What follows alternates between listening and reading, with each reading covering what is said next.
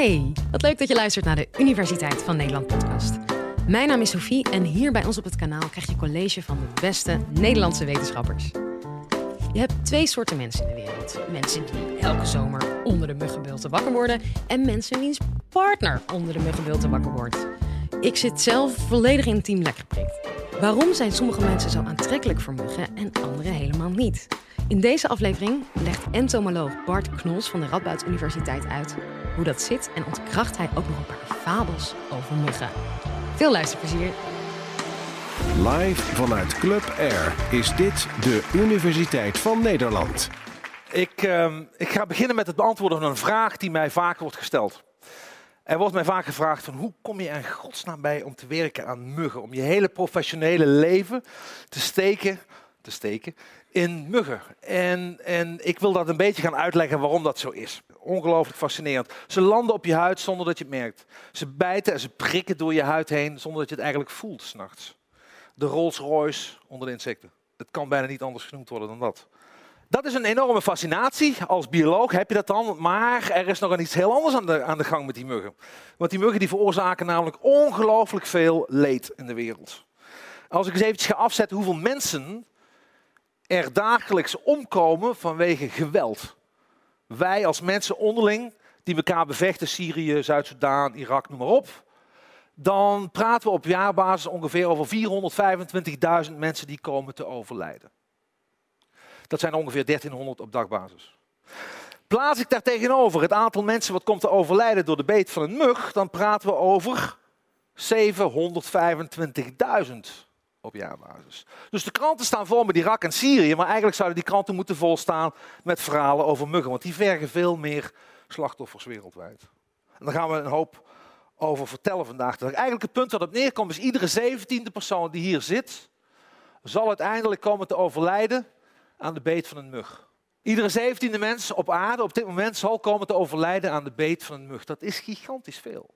Alleen al malaria, daar hebben we straks meer over. Een kwart miljard mensen, 250 miljoen, worden er jaarlijks geïnfecteerd door deze infectieziekte. Door de beet van een mug. 625.000 van die mensen, met name kinderen en zwangere vrouwen, komen te overlijden aan de gevolgen van die malaria. Ik heb het zelf negen keer gehad en dat is geen pretje, dat kan ik je verzekeren. Zie je er kinderen aan sterven, is het helemaal een ramp. Dus de conclusie meteen al is, zorg dat jij niet nummer 17 bent gebeurt. En zo gaan we door. En, en hoe moeten we dat nu gaan bekijken? Eigenlijk moeten we twee dingen eens even gaan bekijken. Eerst, hoe vindt die mug jou? En twee, als we begrijpen hoe die mug jou vindt, wat kan ik er dan tegen doen om die mug bij mij weg te houden? En dat is eigenlijk het verhaal waar we eens naar gaan kijken. Eigenlijk is het zo, eigenlijk is het zo dat de vrouwen, de vrouwtjes moet ik zeggen, de vrouwen veroorzaken de problemen. De vrouwen nemen bloed, de mannen nemen alleen maar sappen van planten en nectar. Dus die zuigen geen bloed. En die mug die vindt ons op afstand door ons te ruiken. En dat doet ze met haar antenne. En op die antenne daar zitten geurreceptoren waarmee ze ons op afstand kan ruiken. Tot wel 70 meter afstand kunnen muggen ons waarnemen. Net zoals een schoorsteen waar rook uitkomt, die met de wind meegaat. Als ik er sta en de wind komt van achter, dan heb ik hier een hele pluim van geuren die gewoon windafwaarts gaat. En die muggen die vliegen tegen die uh, geurpluim in en die komen uiteindelijk bij mij terecht en die bijten mij dan. En als die mug bij mij vlak in de buurt is, wat gebeurt er dan? Die komt de slaapkamer binnen en die ziet mij dan zo'n gloeiend voorwerp. Dat ziet die mug als hij de slaapkamer, het slaapkamerraam binnenvliegt. Ja, dan komen we natuurlijk bij die vraag van wie dan meer dan de ander. En waarom wordt de een dan meer gebeten dan de ander? Jullie zijn een koppel. Wordt de een meer gebeten dan de ander? Jij wordt meer gebeten. En ik zal je ook nog iets anders vertellen. Als zwangere vrouw word je sowieso meer gebeten. Zwangere vrouwen zijn attractiever voor muggen. Waarom? Die hebben een hogere stofwisseling. Je hebt namelijk een vrucht die je bent aan het ontwikkelen. Dus jij produceert meer kooldioxide uit je adem. Je hebt een warmere lichaamstemperatuur en daarom ben je sowieso al aantrekkelijker voor muggen. In Nederland niet zo'n probleem, maar in de tropen zou je serieus een probleem. Waar ligt dat nou eigenlijk aan? Het heeft alles ermee te maken dat wij als mens op onze huid produceren we geuren. Wel meer dan 300 chemische verbindingen geven we af van onze huid. Meer dan 100 verbindingen ademen we uit. Heeft te maken met onze genetische make-up, hoe zitten we in elkaar. Heeft ook te maken met dieet, wat eet ik, dat bepaalt ook voor een deel mijn geur. Maar uiteindelijk is het zo dat ieder van ons heeft zijn unieke geurprofiel. We ruiken allemaal verschillend. Ik trek mijn shirt uit, ik geef het aan een speurhond en die kan mij tussen jullie allemaal vinden. Dat doen muggen ook. Muggen reageren op een profiel en dat betekent namelijk hij heeft een hoop attractieve geuren waar muggen op afkomen. Maar iedere mens produceert ook geuren die afstoten. En het is de verhouding tussen die twee die bepaalt hoe aantrekkelijk hij is voor muggen. En dat heeft de persoon naast hem ook. Dus als ik hier een mug loslaat, zal die mug altijd een van die twee een grotere voorkeur geven om te bijten. Zo werkt dat hele verhaal. Als we weten wat die muggen ruiken, dan kunnen we daar iets mee gaan doen. We kunnen namelijk valsystemen gaan ontwikkelen, vallen, waarmee we die muggen kunnen wegvangen. En daarvoor moeten we dus eerst weten, wat ruikt die mug eigenlijk? Welke stoffen neemt hij waar? En daar hebben wij als wetenschappers een interessante methode voor gevonden, namelijk een manier waarop we een elektrode, dus een elektrode, die kunnen we achter in de kop van een mug kunnen we die prikken. En dan aan de tip van de antenne steken we een andere elektrode, hebben we een gesloten systeem. En als ik er dan een geurtje over laat, dan komt er een actiepotentiaal, een signaal wat naar de hersenen van de mug toe gaat en dat kan ik meten.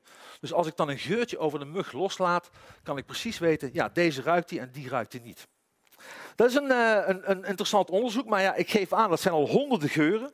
Dus hoe weet je nu welke de belangrijke zijn? Eén, of twee, of drie, of vier, of vijf, tien geuren. Ik heb dat anders gedaan tijdens mijn promotieonderzoek. Ik kwam er namelijk achter, als ik een nylon sokje aantrek en ik heb die de hele nacht aan, en s'morgens dan hang ik die in mijn windtunnel, waar ik muggen in loslaat, dan is dat een ideale bron om muggen mee aan te trekken. En dan heb ik het over Afrikaanse malaria-muggen. Die hebben namelijk een voorkeur voor het bijten rondom de enkels en voeten van mensen. Andere muggen bijten op andere plekken van het lichaam. En daar hebben we onderzoek naar gedaan. Op een gegeven moment deden we een experiment waarbij ik iemand in een grote kooi plaatste, naakt. En dan lieten we één voor één in die kooi lieten we muggen los om te kijken waar die de voorkeur hadden om het bijten op dat lichaam. En er was een mug bij die beet vrijwel exclusief op het gezicht. Maar onze Afrikaanse mug die beet inderdaad rondom de enkels en voeten van een naakte proefpersoon. Zul je zeggen, wie was dat? Nou, dat was ik zelf. Goed. Het is moeilijk om daar namelijk proefpersonen voor te vinden, dat kun je je wel voorstellen. Maar we waren bezig met dat onderzoek en uh, plotseling toen kwam bij ons de gedachte op van ja, voetengeur. Voetengeur is interessant en speciaal, want de farmaceutische industrie wil graag producten ontwikkelen omdat mensen nogal problemen hebben met voetengeuren. Dat weten we allemaal. En wij lazen toen in de literatuur interessante dingen. Er stond bijvoorbeeld in de literatuur een opmerking van kaas ruikt naar voeten in plaats van andersom. Kaas ruikt naar voeten in plaats van andersom. Er stond zelfs in van bacteriën bij de menselijke huid, die op de menselijke huid voorkomen, die zouden wel eens gebruikt kunnen zijn in de productie van bepaalde kaassoorten. En toen is op een gegeven moment bij ons het kwartje gevallen. En toen hebben we op een gegeven moment dit, dit goedje, getest. Ik durf hem bijna niet aan te raken, zo erg is die. En dit is een Limburgse kaas. Limburgse kaas bleek uitstekend om muggen mee aan te trekken over afstand. Afrikaanse malaria-muggen zijn verzot op Limburgse kaas. En waarom is dat nou?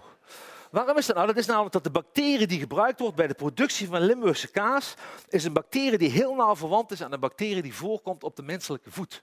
Zonder dat wij dat eigenlijk wisten, waren we een Nederlands zuivelproduct aan het testen tegen een Afrikaanse malaria-mug en dat werkt. En het grote nieuws hiervan is dat op dit moment Kenia, Tanzania staan vallen, valsystemen, waarin synthetische mengsels van geuren van Limburgse kaas gebruikt worden om malaria-muggen mee aan te trekken. Het gebeurt echt. Het is geen geintje, het gebeurt echt. Terug naar Nederland, wat werkt tegen muggen? Wat werkt er nou eigenlijk tegen muggen?